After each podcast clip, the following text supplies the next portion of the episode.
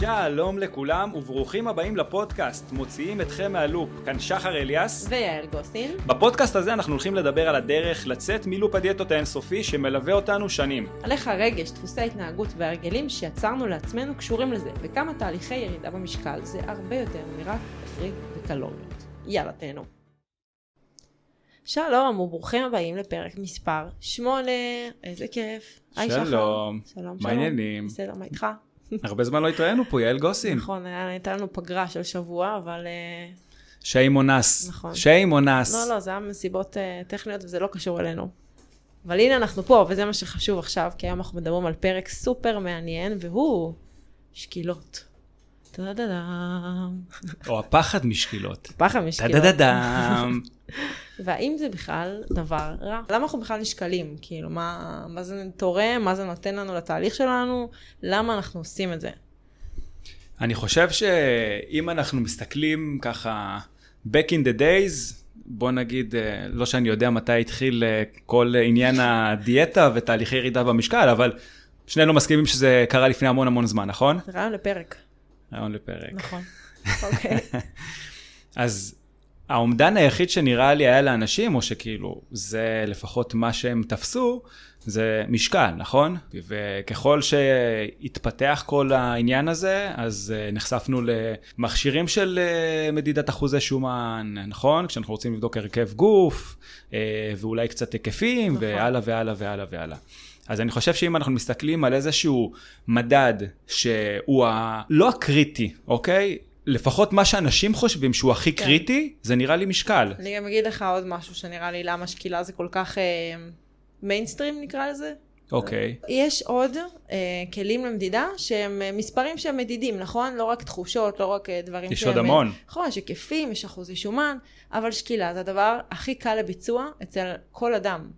כאילו, לרוב, ללכת למדוד אחוזי שומן, אנחנו כנראה נצטרך אנשי מקצוע, או את הקליפר, או דברים יותר מסובכים. לא כולם יודעים לעשות לעצמם למדוד היקפים כמו שצריך, ובצורה עקבית, וזה לוקח יותר זמן.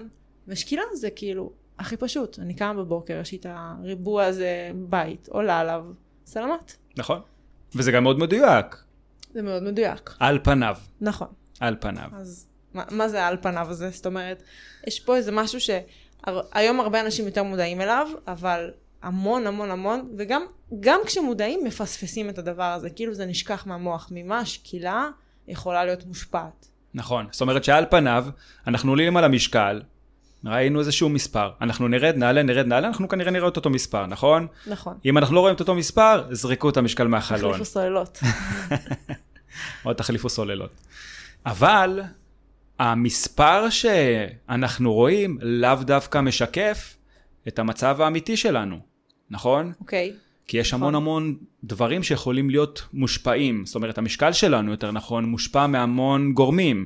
אה, אנחנו, הגוף שלנו לא מורכב רק ממסת אה, שומן ומסת שריר ואיברים ועצמות. נכון. אוקיי? יש לנו גם מרכיב מאוד מאוד חשוב שאנחנו צריכים להכיר, ואני מאמין שגם הרבה מכם שמעתם עליו, וזה נוזלים, אוקיי? ויש המון דברים שמשפיעים על, ה... על נוזלים אה, בגוף שלנו, בין אם אה, ישנו מעט שעות, בין אם צרכנו יותר אה, נתרן שאוגר יותר, בין אם עשינו אימונים לפני, במהלך וסת. פחמימות. יש... פחמימות, אם נכון. אכלנו יותר פחמימות באותו, ביום שלפני, אנחנו אוגרים יותר נכון, מים פר נכון, גרם גליקוגן, נכון? כן. על כל גרם גליקוגן שאנחנו עולים, אנחנו אוגרים שלושה מיליליטר של נוזל. זאת אומרת שאנחנו נעלה, אם אה, לצורך העניין אה, מילאנו 50 אה, גרם גליקוגן, אז אנחנו נעלה 150 גרם, רק מהנוזלים. נכון. עכשיו, יש פה משהו שחשוב להבהיר, זה גם אם לא חרגנו מהתפריט של הגירעון הקלורי שלנו. זאת אומרת, גם אם באותו אה, תפריט, באותו מספר קלוריות, אכלנו יותר פחמימות, נכון. מאשר ביום שלפני, ואנחנו עדיין בגירעון, נכון, יכול להיות שנראה מספר שהוא לא תואם כביכול. חד ל- משמעית. התמדה שלנו, נקרא לזה ככה. אני אנסה לפשט יותר את המילים שלך. אוקיי. אנחנו יכולים להיות בגירעון קלורי, אוקיי? ומספיק ששינינו את התזונה שלנו מבחינת ההרכב אבות מזון, מלצורך העניין, אה, תזונה שנגיד היא יותר דלה בפחמימות, לתזונה שהיא יותר אה, עשירה בפחמימות.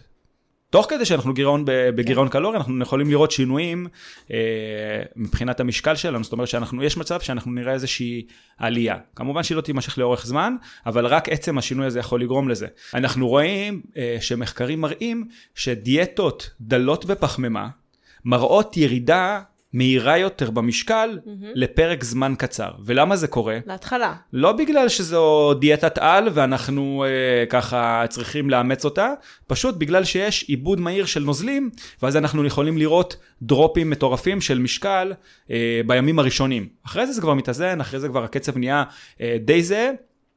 סתם עוד איזושהי הערת ביניים, לאורך זמן אנחנו לא רואים שונות בין דיאטה כזאת או אחרת, אוקיי? אז אל תתעדפו פחמימות, פחמימות זה החיים.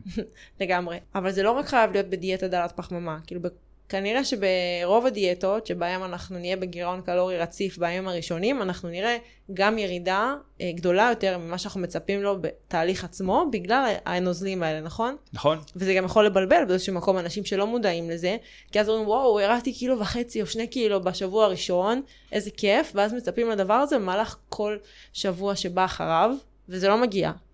זה לא הבעיה בהם, או במשהו שהם לא עושים נכון, פשוט ההבנה שבהתחלה יורדים הרבה מאוד נוזלים. נכון, השינויים האלה שאנחנו עושים בתזונה שלנו, בין אם אנחנו אוכלים מזונות עם דחיסות קלורית יותר גבוהה, בין אם אנחנו אוכלים מזונות שסופחים יותר נוזלים, mm-hmm. הם עושים את שלהם. נכון. ואז יש דרופ מאוד מאוד גדול, נכון? ו- וגם להפך. מה זאת אומרת? גם בעלייה. זה בדיוק העניין, שאם אנחנו יורדים מהר מאוד, אנחנו גם יכולים לעלות מהר מאוד. את נכון. הנוזלים. כאילו אנחנו מקבלים נורא יפה את הירידה. אנחנו מחבקים אותה. מאוד, את הירידה הגדולה, וואו, איזה כיף, אבל כשמגיע בכיוון ההפוך, אנחנו, קשה לנו להכיל את זה שזה אותם נוזלים. אותם נוזלים שירדו, אלה הנוזלים שעלו. נכון. למה אנחנו מחבקים את זה בירידה? קודם כל, כיף לנו לראות לא? משקל הרבה יותר נמוך, אבל כשאנחנו מפרקים את זה ל... ל... להבנה שלא מדובר בשומן, שזה אני מאמין שרוב האוכלוסייה רוצה לרדת בו, ואז כשהם רואים אה, ירידה של שלושה קילוגרמים, וואו, ירדתי שלושה קילוגרמים, טרפת. לא אבאלה, לא אימא'לה. אני לא ירדתי שלושה קילוגרמים של כן, שומן. נכון. אה, ולרדת קילוגרם של שומן, סתם לסבר לכם את האוזן, אתם צריכים לאכול פחות 7,000 עד 9,000 קלוריות במהלך נגיד כל השבוע. כן. אוקיי, יצרתם גירעון כזה, אתם תרדו ב-1 קילוגרם. אז רק, רק כדי שתבינו, אם אנחנו יוצרים גירעון של 500 קלוריות כל יום, כפול 7 ימים, אוקיי, בהנחה ואנחנו שומרים על הגירעון הזה, זה אומר שאנחנו בגירעון של 3,500 קלוריות במהלך כל השבוע, וזה יביא אותנו למצב שאנחנו יורדים חצי קילוגרם של שומן. אז גם כשאתם רואים ירידות של 3 קילוגרם במשקל שלכם, בטח שזה בפרק זמן מאוד מאוד קצר, תבינו שלא מדובר בשומן, מדובר בנוזלים, וגם כמו שיעל אמרה, גם לכיוון ההפוך, כשאנחנו עולים, שזה לא ייצר בהלה. בטח שמדובר בפרק זמן קצר. תבינו כמה אתם צריכים להשקיע בשביל להעלות את הקילוגרם של השומן. את הקילוגרם של החצי שומן, לאכול, אה, אם הניטרלי שלכם עומד על 2,000 קלוריות, ובדרך כלל אנחנו יוצרים אה, מצב של גירעון קלורי, נכון? נגיד אז אני, הניטרלי שלי הוא 2,000 קלוריות, אני אוכל 1,500, אני צריך לאכול 2,500 קלוריות כל יום כדי לעלות רק חצי קילוגרם של שומן. זה מטורף. למשך שבוע. למשך שבוע, להתמיד בזה. 1,000 קלוריות יותר ממה שנתנו לי בתפריט. בדיוק. כן. 1,000 קלוריות, בדיוק, נכון, 1,000 קלוריות יותר ממה שנתנו לך בתפריט, ואנשים יכולים, את יודעת, לישון מעט, לאכול יותר פחמימות או לצאת למסעדה בערב והם יכולים לראות קילו וחצי, שניים, וזה הופך להם את החיים. זה רוצה סיפור אישי? אני רוצה סיפור אישי. פעם באחד מהתהליכים המאוד, אה, לא יודעת, לפני כמה שנים. תהליך באמת, הייתי פיקס, שלושה חודשים שהוקצבו אה, לתפריט עם איש מקצוע מהמם, אני יכולה עליו עד היום. אה, עשינו תפריט, עבד, עבד מעולה, סבבה? עבד מדהים. הייתה איזו אכילה אחת שיצאתי, אה, לא יודעת, ארוחת שישי או מסעדה, אני לא זוכרת, יום למחרת, ארבע קילו עלייה. אני ספוג של נוזלים, אין מה לעשות. אני כבר מודעת לזה היום, ספוג של נוזלים, אבל גם כמובן שהייתה שם אכילה מרובה. בוא, גם אי אפשר להתעלם מזה כל כך, ארבע קילו זה כנראה שאכלתי יותר ממה שהגוף שלי צריך. חד משמעית. סבבה.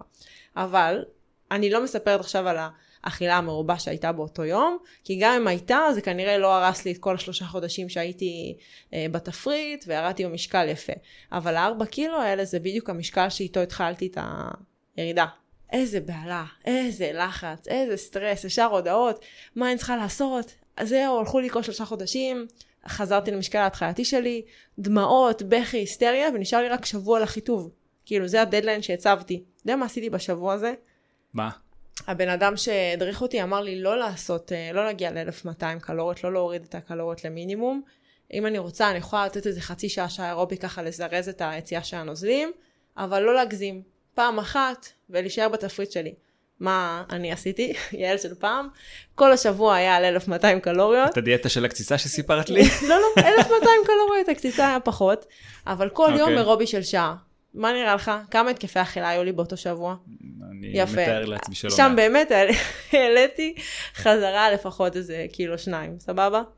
מרוב כל התקפי אכילה שהיו לי. ואם הייתי יכולה לשים בצד את מה שאני יודעת היום, באותה שקילה, ופשוט להמשיך בדרך שלי, כנראה שהייתי מגיעה למשקל של יום לפני, נכון? שהנוזלים היו יורדים, חד משמעית. הייתי חוזרת והייתי מסיימת את החיטוף שלי בכיף. אבל מה? למדתי מזה, לאבא. זה איך להתמודד עם עלייה של נוזלים בפרק זמן מאוד קצר, ומה לא לעשות. אני חושב שאם אנחנו ננטרל שני דברים בהקשר לסיפור שלך, ואני חושב שזו נקודה מאוד מאוד חשובה, ומעולה שהעלית את הסיפור הזה. אה, כי יש לי עוד מלא. יש, אה, יש לנו עוד הרבה פודקאסטים. אני חושב ש... וגם אצלנו, המון המון בנות מתמודדות בדיוק עם, ה... עם העניין הספציפי הזה. ורק אחרי שאנחנו מפשטים להם הכל, וככה גורמים להם להסתכל על, כל... על, ה... על התמונה הגדולה יותר, הרבה יותר קל להם להמשיך הלאה. אבל אני מכיר לא מעט סיפורים ששם אה, הפסיק התהליך, ואז אנחנו נכון. חוזרים ללופ. אבל מה שני הדברים שאנחנו צריכים לנטרל? זה הלחץ שעולה מתוך זה ששילמנו עכשיו כסף לתהליך, והנה מפסיק לנו הליווי, אוקיי? ואין לנו יותר עזרה, ומה אנחנו עושים מפה והלאה? אז פה עולה איזושהי נקודה, מה למדת בתהליך? ואם יש לך מספיק כלים, את תביני שגם אם הייתה את העלייה הזאתי, את יכולה גם אחרי התהליך שלך להמשיך להשתמש באותם כלים, mm-hmm. ולא לייחס חשיבות לארבעה קילוגרמים. כי אני מאמין שאיפשהו, ה- גם ציינת את זה, כן? הלחץ שהופעל עלייך, שזה השבוע האחרון שאת בתהליך, עשה גם בין היתר את שלו. עוד עניין, לפני שאת מדברת, אני ככה ראיתי אותך באה להיכנס ברבאק, אה, זה העניין של התחלנו עם איזשהו משקל מסוים, וכל העבודה מהמם. הלכה לפח, mother כן. fucker, וואו, זה כאילו מטורף. וזה איזושהי תחושה משוגעת כאילו של, בואנה, כל העבודה הקשה שלי הלכה עכשיו לפח. זה ממש כאילו לסמן ולעשות דלית, כן. זאת התחושה. כן, עכשיו, זה, זה, זה עבודה, ואני יודע עד כמה את כאילו טוטאלית, מהמם. ואני מאמין אה, שעלו רגשות קשים מאוד, מה זה קשה? זה היה בכי היסטרי, מה זאת אומרת? זה היה שבוע מאוד קשה. ומה שעוזר בעצם להבין, זה בדיוק מה שסיפרתי לכם לפני רגע. ההבנה שהארבעה קילוגרמים האלה, כמו שהם עלו הם ירדו, כי לא מדובר בשומן. סבבה, אכלנו טיפה יותר מעבר למה שאנחנו צריכים, אבל זה נוזלים, יש עליות מאוד גדולות בפרק זמן קצר, וכמו שזה עלה, זה גם ירד. אני חושבת שעוד משהו שחשוב להבין ומאוד מאוד עוזר לחשוב עליו בדיוק באותו רגע, זה לחשוב מה יועיל לי, מה שאני מתכוונת לעשות. כי בדיוק הייתה שיחה עכשיו עם אה, מישהי שאצלנו בתהליך בבאונס, שככה ביקשנו ממנה אה, להפסיק עם השקילות, עתה. כי באמת יש לה התקפי אכילה בערב, והיא טענה שהשקילות בבוקר, יום אחרי, מאזנות אותה. זאת אומרת, זה שהיא רואה שהיא נשארה באותו השוטר הרע. משקל, זה שהיא רואה שהיא נשארה באותו משקל, זה איפשהו נותן לה ככה איזושהי הנחת רווחה כזה, היא יכולה לנשום עמוק ולהמשיך, וכאילו הפיל לא כזה גדול, אתה מבין? כאילו זה לא כזה נורא מה שהיה אתמול בלילה. אז שאלתי אותה, אוקיי, ומה קורה אם את עולה על המשקל ווואלה זה לא מתאים לך? כאילו את רואה כן עלייה. אז שם היא נכנסת למצב על הפנים, היא מבואסת, זה הורס לה את כל היום, ואז שאלתי אותה, ומה היא עושה אחר כך? היא כנראה תקזז, זה מה שהיא ענתה, במהלך היום. כנראה תצמצם, לא תאכל, ומה התוצאה אחרי זה? התקף אכילה. כאילו זה היה המילים שלה. אז אם אנחנו שנייה חושבים, אוקיי, אני רוצה לרדת במשקל כמה שיותר מהר, מה יוביל אותי לשם? זה לא יהיה קיזוז ואירובי. כאילו אם אנחנו מסתכלים על זה בשנייה, לא ליום אחרי, אלא לשבוע אחרי, מה הקיזוז ומה האירובי ומה הצמצום של האוכל יעשה לי, זה יעשה לי הפוך על הפוך ממה שאני רוצה שזה יקרה. אם נכון. הייתי יודעת את זה, אז לא הייתי עושה את זה. כאילו אם הייתי יכולה לחשוב, אוקיי, אני אעשה אירובי ואני אצמצם, וזה לא הביא אותי התוצאה שלי, אלא רק יגרום לי להתקפי אכילה, אז כנראה שהייתי... כי בהבנה שלך, את יודעת, זה כאילו, טוב, אני אקצץ קלוריות, כן. אני אוכל פחות, אני ארד במשקל. בפועל את יורדת במשקל יותר מהר. עם אה, אבל, אכילה. בדיוק, יפה. אבל זה, זה יתקוף אותך בצורה הזאתי. נכון. אז מה היתרון בכלל בלהישקל? אם, אם לא עושה לי טוב להישקל כל יום, לא בא לי, אני אשקל פעם בשבוע, פעם בשבועיים. מה, למה לא? אם הרגע אמרתם שיש כל כך תנודות של נוזלים, ואני יכולה באמת לראות עלייה גדולה, ונתרן, פחמימות, ושינה, ומחזור, ואלף דברים. אז למה לעשות את זה לעצמי? אז להישקל פעם בשבוע? כן. זה הפתרון? כן, אני, הרבה אנשים כאילו, יודע, זאת המחשבה הראשונה שלהם, וגם יש הרבה, אגב, אה, תוכניות, שזה מה שהן מנחות. נכון. קודם כל, נגיד בהנחה ואנחנו אה, מנסים להימנע משקילות, לא בהכרח ששקילה אחת פעם בשבוע תעשה לכם טוב, זה כאילו איזשהו מקום של, טוב, אני, אני אפגוש את זה כמה שפחות פעמים ב, Mhm. במהלך השבוע, פעם אחת. ואני חושב ששם זה יכול לעשות יותר גרוע. למה? כי בשקילה אחת, קודם כל אנחנו לא יכולים להסיק יותר מדי משקילה אחת. אנחנו רוצים לעשות ממוצעים שבועיים ומזה להסיק. בדיוק מהסיבה שאנחנו יכולים לראות קפיצות מאוד גדולות ביום. נכון. ומשם זה יכול לגרום לנו ככה להישאב לתוך איזה חור שחור. עכשיו, מעבר לזה, אנחנו רוצים להבין ש... אני אספר לכם אפילו סיפור. לא מעט לקוחות, אוקיי? שהם הלכו שם, הם הלכו לכיוון הזה, הסברתי להם את הרציונל שעומד מאחורי אה, ממוצעים שבועיים, אבל הם בחרו ללכת לכיוון הזה של שקילה אחת בשבוע. אוקיי. מה קרה? במהלך השבוע הם היו יורדים במשקל. הם לא היו יודעים את זה, כי מתי הייתה השקילה המתבצעת? ביום ראשון. אז הם נגיד נשקלים ביום ראשון, רואים איזושהי שקילה מסוימת, מראשון לחמישי יש ירידה במשקל, ואז מגיע יום ראשון, אחרי שישי שבת. לרוב, כולם טיפה עולים במשקל, אה, עם עבודה אפשר גם לאזן את זה, וגם מקרים מסוימים אפשר גם לרדת, אבל הקושי הגדול שלנו הוא נמצא בסופש, נכון? נכון. ואז מה קורה? יש עלייה במשקל. המון מהאנשים יכולים לראות בדיוק את אותו מספר נכון. שהם ראו ביום ראשון. עכשיו, מבחינתם אני עובד מאוד קשה, נכון? למה אין שום שינוי? למה אני דורך במקום? בדיוק. ושבוע אחרי שבוע, שבוע אחרי שבוע, שבוע אחרי שבוע, ואז ברגע שאנחנו כן עושים, עכשיו לא חייב להישקל כל יום.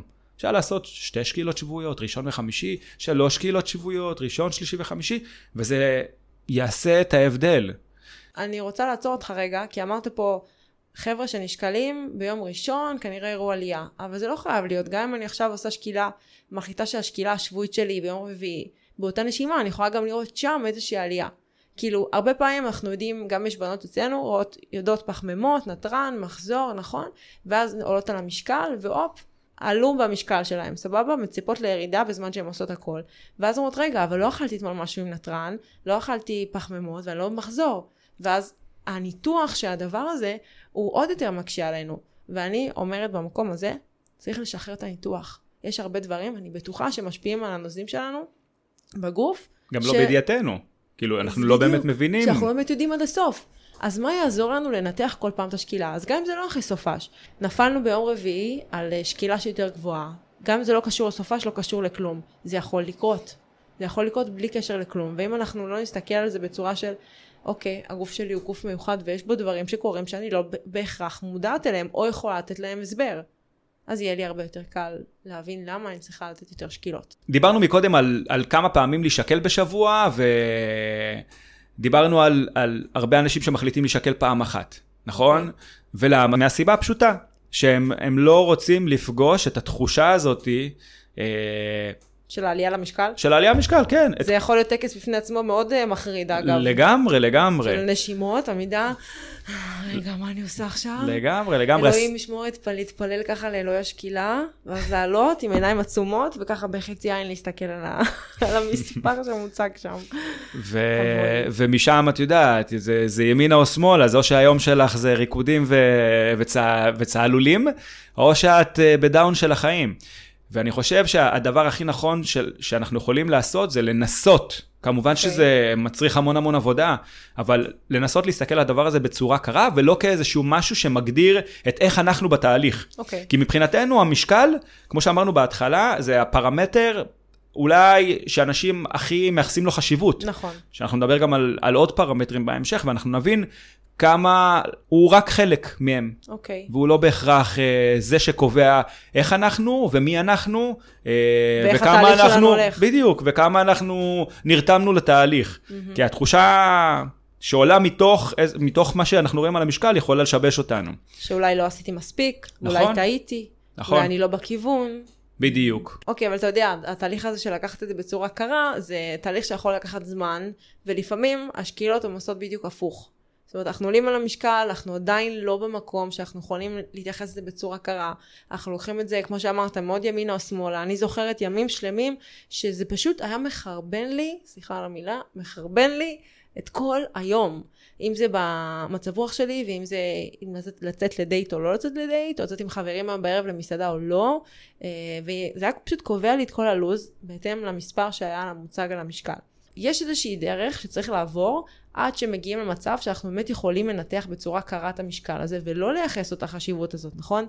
אבל מה עד אז? אם אנחנו לא מצליחים, לא במקום עדיין, אנחנו כאילו מאוד קשה לנו, וזה באמת משפיע לנו על התהליך. האם אנחנו חייבים להישקל? ממש לא. לא, וגם אנחנו מנחים, נכון? כן, כן. שאפשר לשים את המשקל בצד. לגמרי. יש לנו לא מעט מקרים שבנות נמצאות במצב הזה, ואז אנחנו עוברים את התהליך של לבוא ולהבין מה המשקל, כמה, כמה משקל אנחנו רוצים לייחס למשקל. בדיוק. אוקיי? ואז בסוף כשאנחנו מנמיכים את כל ה... את, את הבהלה סביב זה, הן יכולות לחזור ולהישקל, וזה לא מייצר את אותו בהלה. יש הרבה אנשים בתחום שלנו שמנחים לא להישקל, כי אין צורך, כי אין לזה משמעות וכי זה לא אומר שום דבר. שסבבה, זה טוב וזה יפה, אבל ללכת עם הפחד הזה בעולם מלעלות על המשקל, נכון. הוא בעיניי משהו שאני לא הייתי רוצה לחיות איתו. כאילו אין בעיה אם להחליט לא להישקל, אבל לא כשזה מגיע ממקום של פחד וחשש לראות איזשהו מספר. אתה מבין למה התכוונתי? כאילו גם אנחנו, סבבה אם לא להישקל אם את בוחרת לא להישקל. אבל אם זה כי את אה, מפחדת לראות שם איזשהו מספר שישפיע עלייך, אז פה לא נעשתה עבודה. נכון. אנחנו כן רוצים להתמודד עם ה... לא, לא להתעלם מהפחדים האלה, אה, לפחות לנסות להתמודד איתם. כן. אה, ובסדר, once לא הצלחנו לשחרר, הכל בסדר.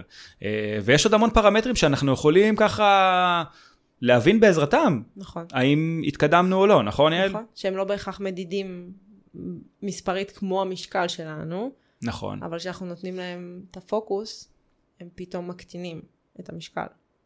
Give me נכון. some, uh, some examples. כל הדברים שאנחנו מדברים על uh, מערכות יחסים טובות יותר עם אוכל. אם עכשיו uh, פחדתי נורא, כשהתחלתי את התהליך פחדתי נורא לצאת למסעדה, והיום אני לא מפחדת, ואני סומכת על עצמי, על התחושות שלי, ועל הקשבה למנגנון רב ושובע שלי, ועל הכלים שיש לי. זאת התקדמות. מדהימה אגב, נכון? אפילו יותר מדהימה מברמת משקל. נכון. כי אם הייתי יורד שתי קילו אבל עדיין מפחד פחד מוות לצאת למסעדה, זה לא, זה לא מה שאנחנו רוצים להשיג, לפחות לא אצלנו. זה למה גם בנות אצלנו, אה, יש בנות שמגיעות, שכבר הם הגיעו ליעד שלהם, נכון. אבל הן נמצאות במקום כל כך לא טוב אה, מול אוכל, ובמערכת יחסים שחירבו לה, להן את זה לפני, אה, שגם כשהם הגיעו ליעד שלהם, למשקל שהם תמיד רצו וחלמו, הן עדיין לא מרגישות שלמות, זאת אומרת, הן יכולות להסתכל במראה, ואין להן שום, אה, שום אהבה כלפי מה שהן רואות, נכון? נכון.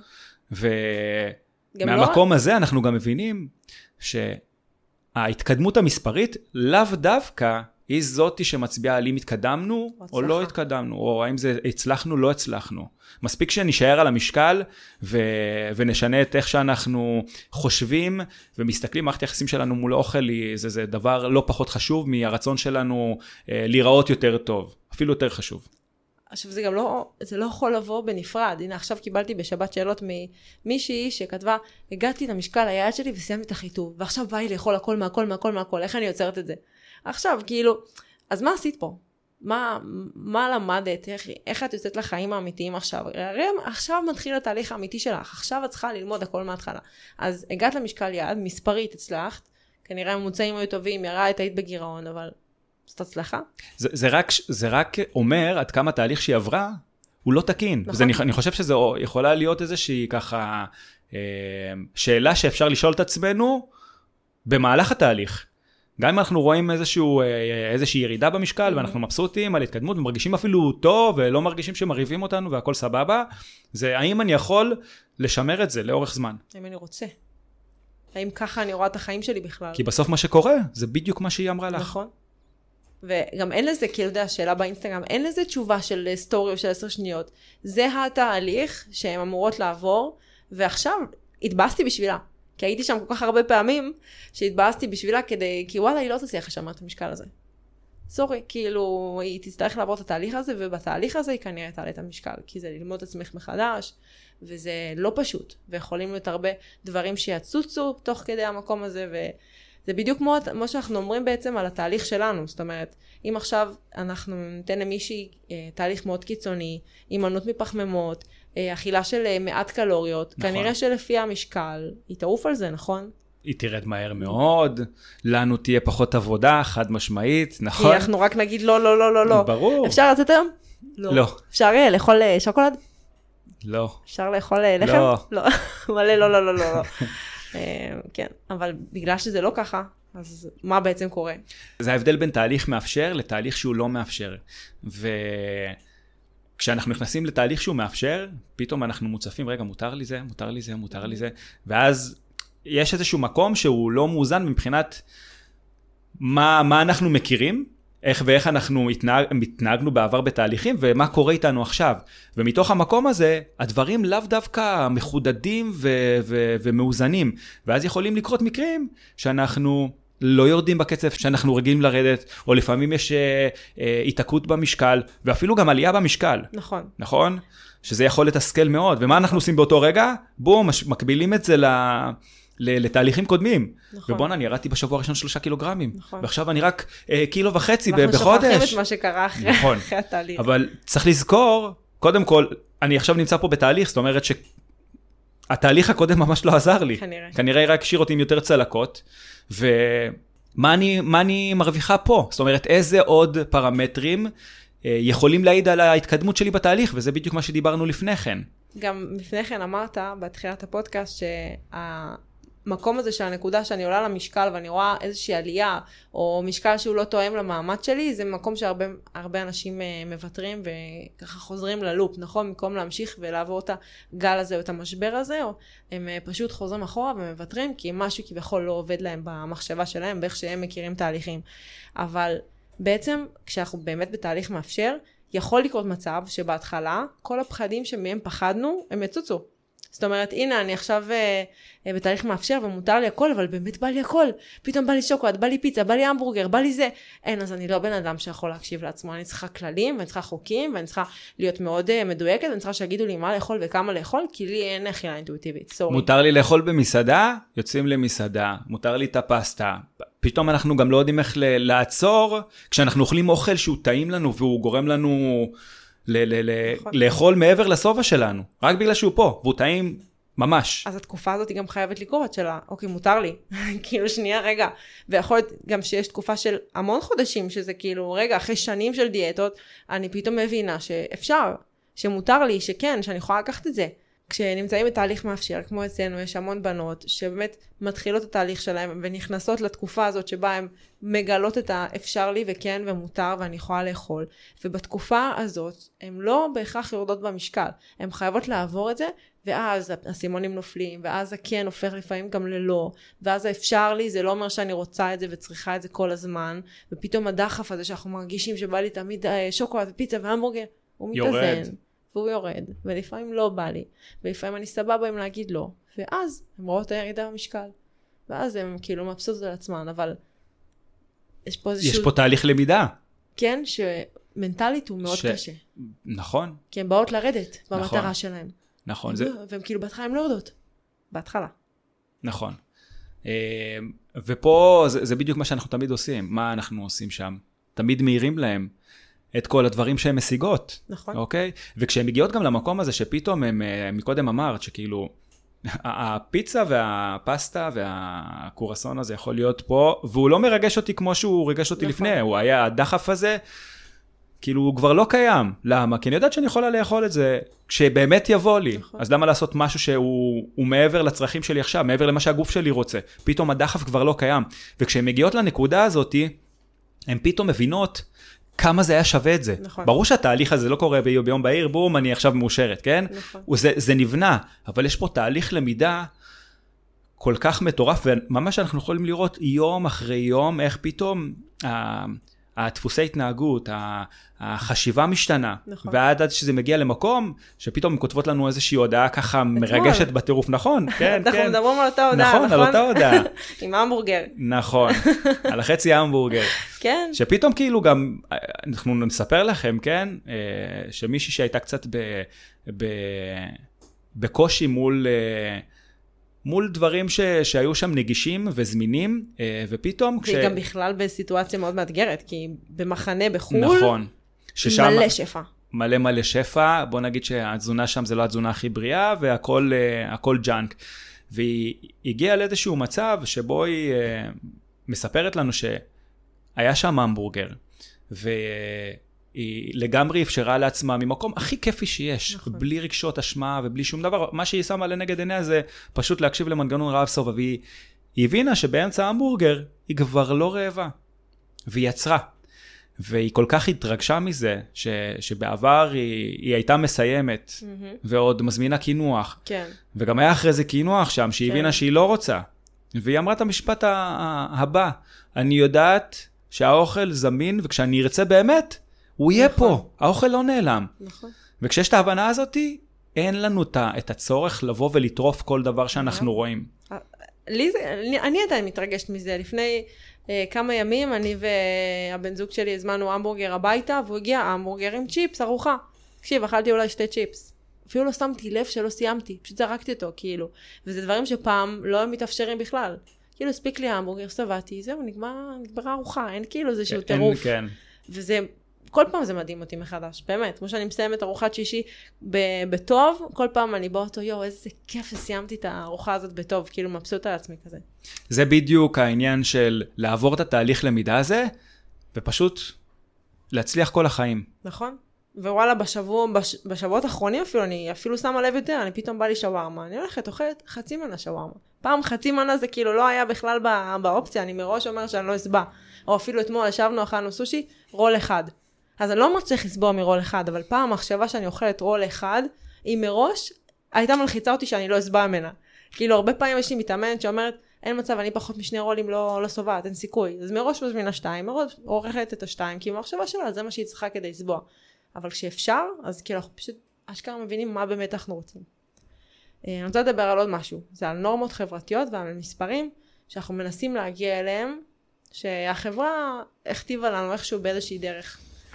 אה, נגיד, אני תמיד זוכרת במחשבה שלי שלשקול 70 ומשהו זה כאילו, וואו, רגע, כאילו זה משהו לא בסדר. אז תמיד הייתה לי את הרצ... היה לי את הרצון לרדת מה-70. לא משנה מה, אני אראה את ה-60 ופלוס, אני אהיה מבסוטה על זה. למה זה הגיע לך? מאיפה זה הגיע לך? אולי מהמקום הזה שתמיד אה, אנשים היו אומרים אה, שצריך לשקול 10 אה, פחות הגובה שלנו, זאת אומרת אם אני מטר 78 אז אני צריכה לשקול 68. משהו שהוא כאילו הנפצה של החיים. הנפצה, כאילו אין סיכ... בואו שנייה נשווה את זה למסת, לאנשים עם מסת שריר וכאילו... תבדקו את המקורות שלכם. כן, אז יש לנו גם פרק על זה בהמשך. אבל כאילו זה נתקע לי בראש. והרבה הרבה הרבה אנשים מכירים את המיתוס הזה, כאילו אז פתאום אם אני מטר 60 אני צריכה לשקול 50. ואם אני מטר 52 אני צריכה לשקול 42. אין פה שום יחס למסת שריר, להרכב הגוף. וגם ב-BMI, אגב שהרופאים משתמשים בזה, לא? ב-BMI, כן? כן. זה לא הזוי. שמה, הם משתמשים בזה? כן, כדי להגיד אם אתה בריא או לא בריא, אם אתה בטווח או לא בטווח, כאילו, אולי באנשים שהם באמת במשקל עודף ולא מתאמנים, אז אולי זה איזשהו מקום כן למדד. אבל איך אפשר, אה, אם אני עכשיו במסת שריר מאוד גבוהה, ואותה בחורה בלי מסת שריר, אותו משקל, כאילו איך אפשר לתת את ההשוואה הזאת? אז BMI הוא כלי שמנבא תחלואה, וגם לו יש טווחים. אבל נכון, אם אנחנו מדברים על אנשים עם מסת שריר מאוד מאוד גבוהה, אז ברור, הוא יכול להיות כאילו בהשמנה, מטורפת. השמנה מספר 2, והוא עם, אה, את יודעת, 12 אחוזי שומן. בדיוק, אבא שלי, אבא שלי זה 90 משהו קילו של שריר. אם אתה תשים אותו ב-BMI, הוא כנראה הוא יצא כנראה לך... צריך להוריד, אה, צריך דיאטה הוא דחוף. צריך להוריד אה, 15 קילו. כן. או המשקל שלו פחות הזה, לא? נכון. פחות 10. בוא'נה, מאיפה זה הגיע? אבל זה תקוע בראש כבר הרבה שנים, שתדע, להרבה מאוד אני אנשים. יודע, אני יודע, גם אני שמעתי על זה, כן, כן? זה, אני לא יודעת מאיפה זה הגיע. אז קיצר, זה גם איזשהו משהו שצריך להבין, לא כולם מבחינת אה, אה, הרכב הגוף שלהם, ומבחינת הגובה והנתונים, אין איזושהי נורמה שצריך לשקול, כאילו, לכל אחד גם מאיתנו יש שונות גנטית, נכון? אוקיי, וזה גם איזשהו משהו שהוא משפיע. זאת אומרת, תסביר. את יותר גבוהה, אה, אוקיי? אוקיי, כן. אה, אני עם אגן רחב יותר, נכון. אוקיי? אה, הפיזור שומן שלי הוא שונה ממישהו אחר. אלה דברים שאנחנו גם צריכים אה, לתפוס. ואמרת, אה, דיברת פה על אה, נורמות חברתיות, נכון? אנחנו מושפעים מזה ב- מהאינסטגרם ומהפייסבוק כן. ומפרסומות ומתוכניות טלוויזיה, ובין אם נרצה של מה, ובין של אם קידוש לא. הרזון? כן, בין היתר, למרות שאני מאוד שמח עם מה שקורה היום, כן? ש... שזה משתנה. אתה יודע, אתמול שמעתי בדיוק עם מישהי דיברה על זה באינסטגרם, וממש אהבתי, וכאילו זה, זה אפילו נכנס אליי למקרים, יש מלא בלוגריות אופנה היום, שכאילו אה, מראות את הבגדים שהם קנו, ואני לקחתי מידה אקסטרה זרמון? אקסטרה, לא, אותה אני מאוד אוהבת, הפוך, בלוגריות אופנה מהצד השני, אה, שעשו כביכול נזק? כן, לדעתי עושות אוקיי. נזק. כאילו, לא במודע, אפילו לא מכוונה רעה, באמת, אבל כאילו, ההשפעה של זה היא מאוד, אפילו עליי, שאני במקום טוב, אני פתאום קלטתי שזה, שוואלה, כאילו, יש לזה מקום. אמ, סתם מראות בגדים שהם הזמינו מפה ומשם, אני לקחתי מידה extra, extra, extra small, כדי שזה יהיה רופף. כזה. כדי שזה יהיה רופף. כן. אוי ואבוי לנו. כן, אני לקחתי מפה extra small, פה small. ואם אתם רוצות. לקבל דיכאון, תמשיכו לעקוב לסטורי כן, שלי. עכשיו זה לא בכוונה, היא באמת קטנה והיא petite, וכאילו, וזאת המידה שלה, והכל טוב, אני לא אומרת שרזון זה דבר הפוך, כאילו, הכל טוב, כל אחת והגוף שלה, הכל בסדר. אבל כשמישהי אחרת שומעת את זה, וכאילו, בלוגרית שנחשבת אומרת שאני extra small ב- בטופ, ויכולתי גם לקחת extra extra small, זה כאילו, רגע, איפה אני? איפה, שום דבר בגוף שלי לא נכנס ל extra extra אז כאילו, מעבר לזה שהמידות יכולות להשתנות מחברה לחברה, נכון? בחברה. בחברה. אני נכנסת לזרה, אני צריכה לקחת 36, 38 ו-40 ביחד לתא. אז היה. אז היה. אז היה. אז היה, וכאילו, תחשוב, אם עכשיו מישהי לא מודעת לדבר הזה של זר, זר זה כבר ידוע ממש, ומדברים על זה, וכאילו, זה משהו מוכר. אבל אם לפני שהכרתי את זה, הייתי נכנסת יום אחד 36, וואו, איזה כיף, נכנסתי 36, יוצאת מאושרת. יום אחרי באה מודדת ג'ינס בגזרה אחרת, לא נכנסת ל-40. אז כאילו, אז, יוצאת בבאסה, מה, עליתי שתי מידות? איך אני אמורה להרגיש עכשיו? זה הזיה. לגמרי. זה עוד יותר מחזק לנו את ההבנה שמספרים לאו דווקא צריכים להיות הפרמטר הכי, הכי רציני ב, בהבנה שלנו אם אנחנו מתקדמים או לא מתקדמים בתהליך. או אם טוב לנו או רע לנו. זאת אומרת, אני עכשיו כשאני הולכת לקנות בגדים, אני מסתכלת על אוקיי, יש לי, קניתי 40, קניתי 42, מה זה משנה, נוח לי? טוב לי, אני נראית בזה טוב, אני אוהבת את מה שאני רואה? Fuck it. כנ"ל המשקל. אני הולכת עם המשקל כתוב על המצח? ממש לא. אז יש משהו מאוד uh, חשוב שאנחנו מלמדים ככה בבאונס, ונחלוק פה את זה איתכם ביחד, שעוזר לדימוי הגוף ולהתמודדות עם משקילות, נכון? כן. אנחנו דיברנו מקודם על זה שאנחנו רוצים אה, להבין שהמשקל הוא איזשהו משהו שהוא יחסית, אה, הוא פרמטר, אבל לא פרמטר שאנחנו רוצים להסתכל עליו יותר מדי. אה, מה שבעצם יכול לעזור לנו זה כלי שאנחנו קוראים לו טקס הבוקר שלי, אוקיי? נכון. אחד האהובים עליי אגב. ומה ש, שקורה לפני שאנחנו עושים, זה בעצם להזכיר לעצמנו מה אנחנו אוהבים בעצמנו. זה יכול להיות פנימי וזה יכול להיות חיצוני, אה, כי כשאנחנו עולים ורואים משהו אחר ממה שרצינו, אה, ממה שדמיינו, אנחנו פתאום הולכים למקום השלילי, ולמה אנחנו לא אוהבים אצלנו. נכון. אוקיי? וזה רק מעצים את זה ומעצים את זה. ואנחנו חושבים שברגע שיש איזשהו אה, מצב שבו אנחנו מדברים על כל הטוב שלפני, כי אנחנו יכולים להיות לפני שקילה, ואני אשאל, אה, איך את מרגישה? אני מרגישה מעולה. אני מרגישה נהדר, אני מרגישה שהתקדמתי, ופתאום אנחנו יכולים לראות את המספר, והיום מקבל תפנית נכון. אחרת לגמרי. נכון. וטקס הבוקר עושה בדיוק מה שצריך לפני השקילה. ואז כשאנחנו עולים על המשקל, וגם אם ראינו איזשהו משהו אחר, אז יכול פתאום אה, ליצור שם איזשהו אה, אה, שינוי חיובי. נכון, זה לא, זה פתאום המשקל שאני נותנת למשקל הוא הרבה יותר קטן, כי אני יודעת וזוכרת את כל הטוב שבי. עכשיו, אתה יודע נכון. מה? גם אם אני לא שלמה עם עצמי עכשיו, סבבה? מהמם. וגם אם, וואלה, אני מרגישה נפוחה היום בבוקר, ואכלתי אתמול אכילה רגשית, זאת אומרת, כאילו, יש לי דברים שאני צריכה לעבוד עליהם. אז דבר ראשון, אפשר להסתכל על דברים שאני כן אוהבת בעצמי, וזה יכול להיות הדבר הכי קטן בעולם. ברמה שהייתה לנו מישהי בבאונס, שעבדנו איתה על הדבר הזה, שהתחלנו איתה אה, מדברים קטנים כמו, אני אוהבת את הכף יד שלי. ואז פתאום אחרי שבועיים, וואלה, דווקא הכף יד עד המרפק סבבה, כאילו, אתה מבין? וואלה, פתאום הידיים שלי סבבה. הנה, הידיים שלי זה משהו שאני אוהבת, וזה כאילו בשלבים נורא נורא קטנים, או אפילו דברים פנימיים, כמו שאמרת, על האופי שלי, או אפילו, וואלה, הייתה לי אכילה רגשית, אבל האם אני עושה את כל מה שאני יכולה כדי לנסות להתמודד עם זה? כן. האם אני בתהליך שאני עם אנשי מקצוע, ואני כאילו משקיעה מאמץ, ואני all in בזה? כן. אז זה כבר כשלעצמו יכול לתת לי תחושה אחרת למשקל שלי, ומה שאני רואה על המספר. נכון. אני רוצה להגיד פה עוד איזשהו משהו, כן. שלפעמים אה, התחושה תהיה שאין לנו את היכולת לבוא ולאתר את, ה, את היתרונות האלה, אוקיי? או דברים שאני אוקיי. כן אוהב בעצמי. וגם כשאנחנו נגיד אותם, זה ירגיש לנו כמו איזשהו שקר. נכון. אז אני רוצה להגיד איזשהו משהו שגם כשאתם חושבים על איזשהו משהו מסוים, ופתאום עולה מחשבה על רגע לא, תדעו שאם זה עלה לכם בראש, כנראה שאתם מסכימים עם זה.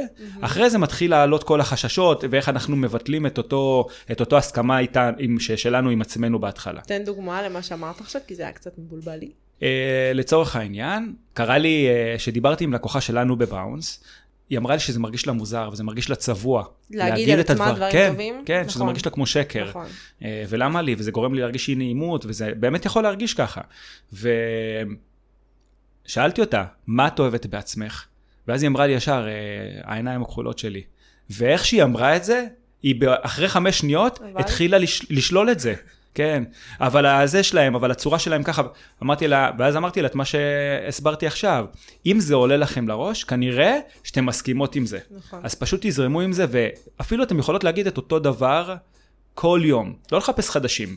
ואתם תראו שהתחושה הלא נעימה הזאתי, התחושה של המבוכה, נעלמת. אני לא כל כך מסכימה עם זה, אתה יודע? שהיא מה? אם עכשיו מצאתי שלושה דברים שאני אוהבת, או חמישה דברים, ולרוץ עליהם במשך שנה, זה כאילו משאיר אותי באותו מקום של... אה, אני לא אמרתי, תרוצו על זה לעד. אמרתי, אתם יכולות לרוץ עם זה, ו... תקופה. מה? ולנסות ברור, להמשיך, עדיף כן. של לנסות כמה שיותר, כן, אבל לפעמים זה מרגיש לנו כל כך מתאמץ, כן. וכל כך קשה, שאני אומר, אל תחשבו על דברים אחרים. אוקיי. אוקיי, אל תתאמצו, בואו תנסו את זה, תרוצו על זה איזושהי תקופה. ותזרמו על זה. אחרי זה ברור, יש עוד הרבה דברים כן. שאנחנו רוצים אה, ככה, זה לגמרי, ככל שאנחנו נמצא יותר דברים, זה רק יעצים נכון, אותנו נכון. וישפר את הדימוי גוף שלנו, נכון? נכון. אה, עכשיו, זה לא חייב לקרות רק לפני את שקילה. הערך הפנימי שלנו, כן? נכון. עכשיו, זה לא חייב לקרות רק לפני שקילה. אני מוצאת את עצמי עוד היום, עושה את זה הרבה פעמים כשאני מרגישה בסיטואציה כלשהי נוחות. אה, סתם, אם פתאום וואלה, אני ביום שהוא דימוי גוף קצת פחות טוב, אני בבריכה או בים, הולכת לא- לאיזשהו מקום עם מראה, ווואלה, מרימה לעצמי, דברים שאני כן אוהבת, שאני כן אה, עפה עליהם, שאני כן אה, מחבבת בי. וזה לגמרי לגמרי מעצים את הביטחון ואת את איך שאני מרגישה באותו רגע. אז זה יכול לקרות בכל סיטואציה שבהם אתן מרגישות טיפה פחות בטוחות בעצמכם, וטיפה עולים הדברים הפחות טובים, ופתאום אנחנו מסתכלים, כי זה טבעי וזה קורה לכולם. עכשיו אמרת להסתכל על המספר על המשקל בצורה מאוד קרה, נכון? כן. אני רוצה שנייה טיפה להרחיב את זה, שאנחנו פשוט צריכים להגיד, אוקיי, אנחנו מסתכלים על הממוצע, כאילו, גם על הממוצע בצורה מאוד קרה. נכון. עבד לי? אחלה, סבבה, בוא נמשיך. לא עבד לי? הכל טוב, זה לא אומר שזה לא יעבוד לי. איך אני, ששבוע הבא טיפה משפרת. מה אני יכולה אה, לשנות, איפה אני יכולה טיפה להתקדם ולהשקיע קצת יותר. עכשיו, אני לא מדברת על ממוצע אחד שראינו שלא הלך טוב. אני מדברת לאורך זמן. אם לאורך זמן אנחנו לא רואים את ההתקדמות שאנחנו רוצים, אז להתייחס לזה, אוקיי, בצורה מאוד קרה, מה לא עבד, איפה אפשר לשפר, איך אני מתקדמת לאט לאט. ולקחת באמת, להוציא מזה את המסקנות שיועילו לנו, בסופו של דבר. נכון. ביחד עם ההבנה שלא רק על זה אנחנו צריכים להסתכל, נכון? נכון. זאת אומרת, יש לנו את המספרים, אבל יש לנו גם עוד המון המון דברים שאנחנו יכולים להסתכל על התהליך שלנו, ודיברנו עליהם פה לא מעט, ואני מקווה שמעבר למשקל גם הרבה, הרבה אנשים ככה ינכסו את זה אליהם לתהליך, וישימו גם שם חשיבות של האם אנחנו משתפרים בכל שאר המדדים שאולי אף, אף פעם לא שמנו לב אליהם, שזה... אה, האם אנחנו אה, מתקדמים ב... האם אנחנו משתפרים במערכת היחסים שלנו עם האוכל, נכון? האם אנחנו משתפרים ב... אה, בלאכול בצורה קשובה ומודעת? נכון, אם האם אנחנו- אנחנו מצליחים לווסת את האכילה הרגשית שלנו? נכון. כל הדברים האלה שהם בעצם אלה שיכולים להוביל בסופו של דבר לירידה במשקל המיוחלת, נכון? חד משמעית. יופי, וואו, איזה פרק. אימא. גלשנו למלא מלא דברים, אבל זה היה הכרחי, אין מה לעשות. כעיקרון הפרק הזה היה מתוכנן חמש דקות. הנה, קיבלתם כמעט שעה. אה, טוב, היה כיף. היה מאוד כיף. אה, אתם יכולים אה, למצוא אותנו בתקציר של הפרק בפודקאסט. אם אתם רוצים להצטרף אלינו לסדנה ולצאת אחת ולתמיד מלופ הדיאטות האינסופי, אז אתם יכולים להצטרף אלינו לסדנה שלנו. אם אתם רוצים לקבל ערך חינמי כיפי וטוב, אז אתם יכולים להצטרף לקבוצה הסודית שלנו. זה נראה זה זה נהיה ממשיך. אה, יש לנו שם לינק, אה, וכמובן אתם יכולים אה, לקבל עוד ערך חינמי אצלנו באינסטגרם, בבאונס, וזהו. אם אהבתם את הפרק ועשה לכם משהו, חידד לכם ועשה לכם טוב, תשלחו אותו לאיזה חבר או חברה שישמחו לשמוע ותדרגו אותנו. יאללה, ניפגש בפרק הבא. ביי ביי. ביי.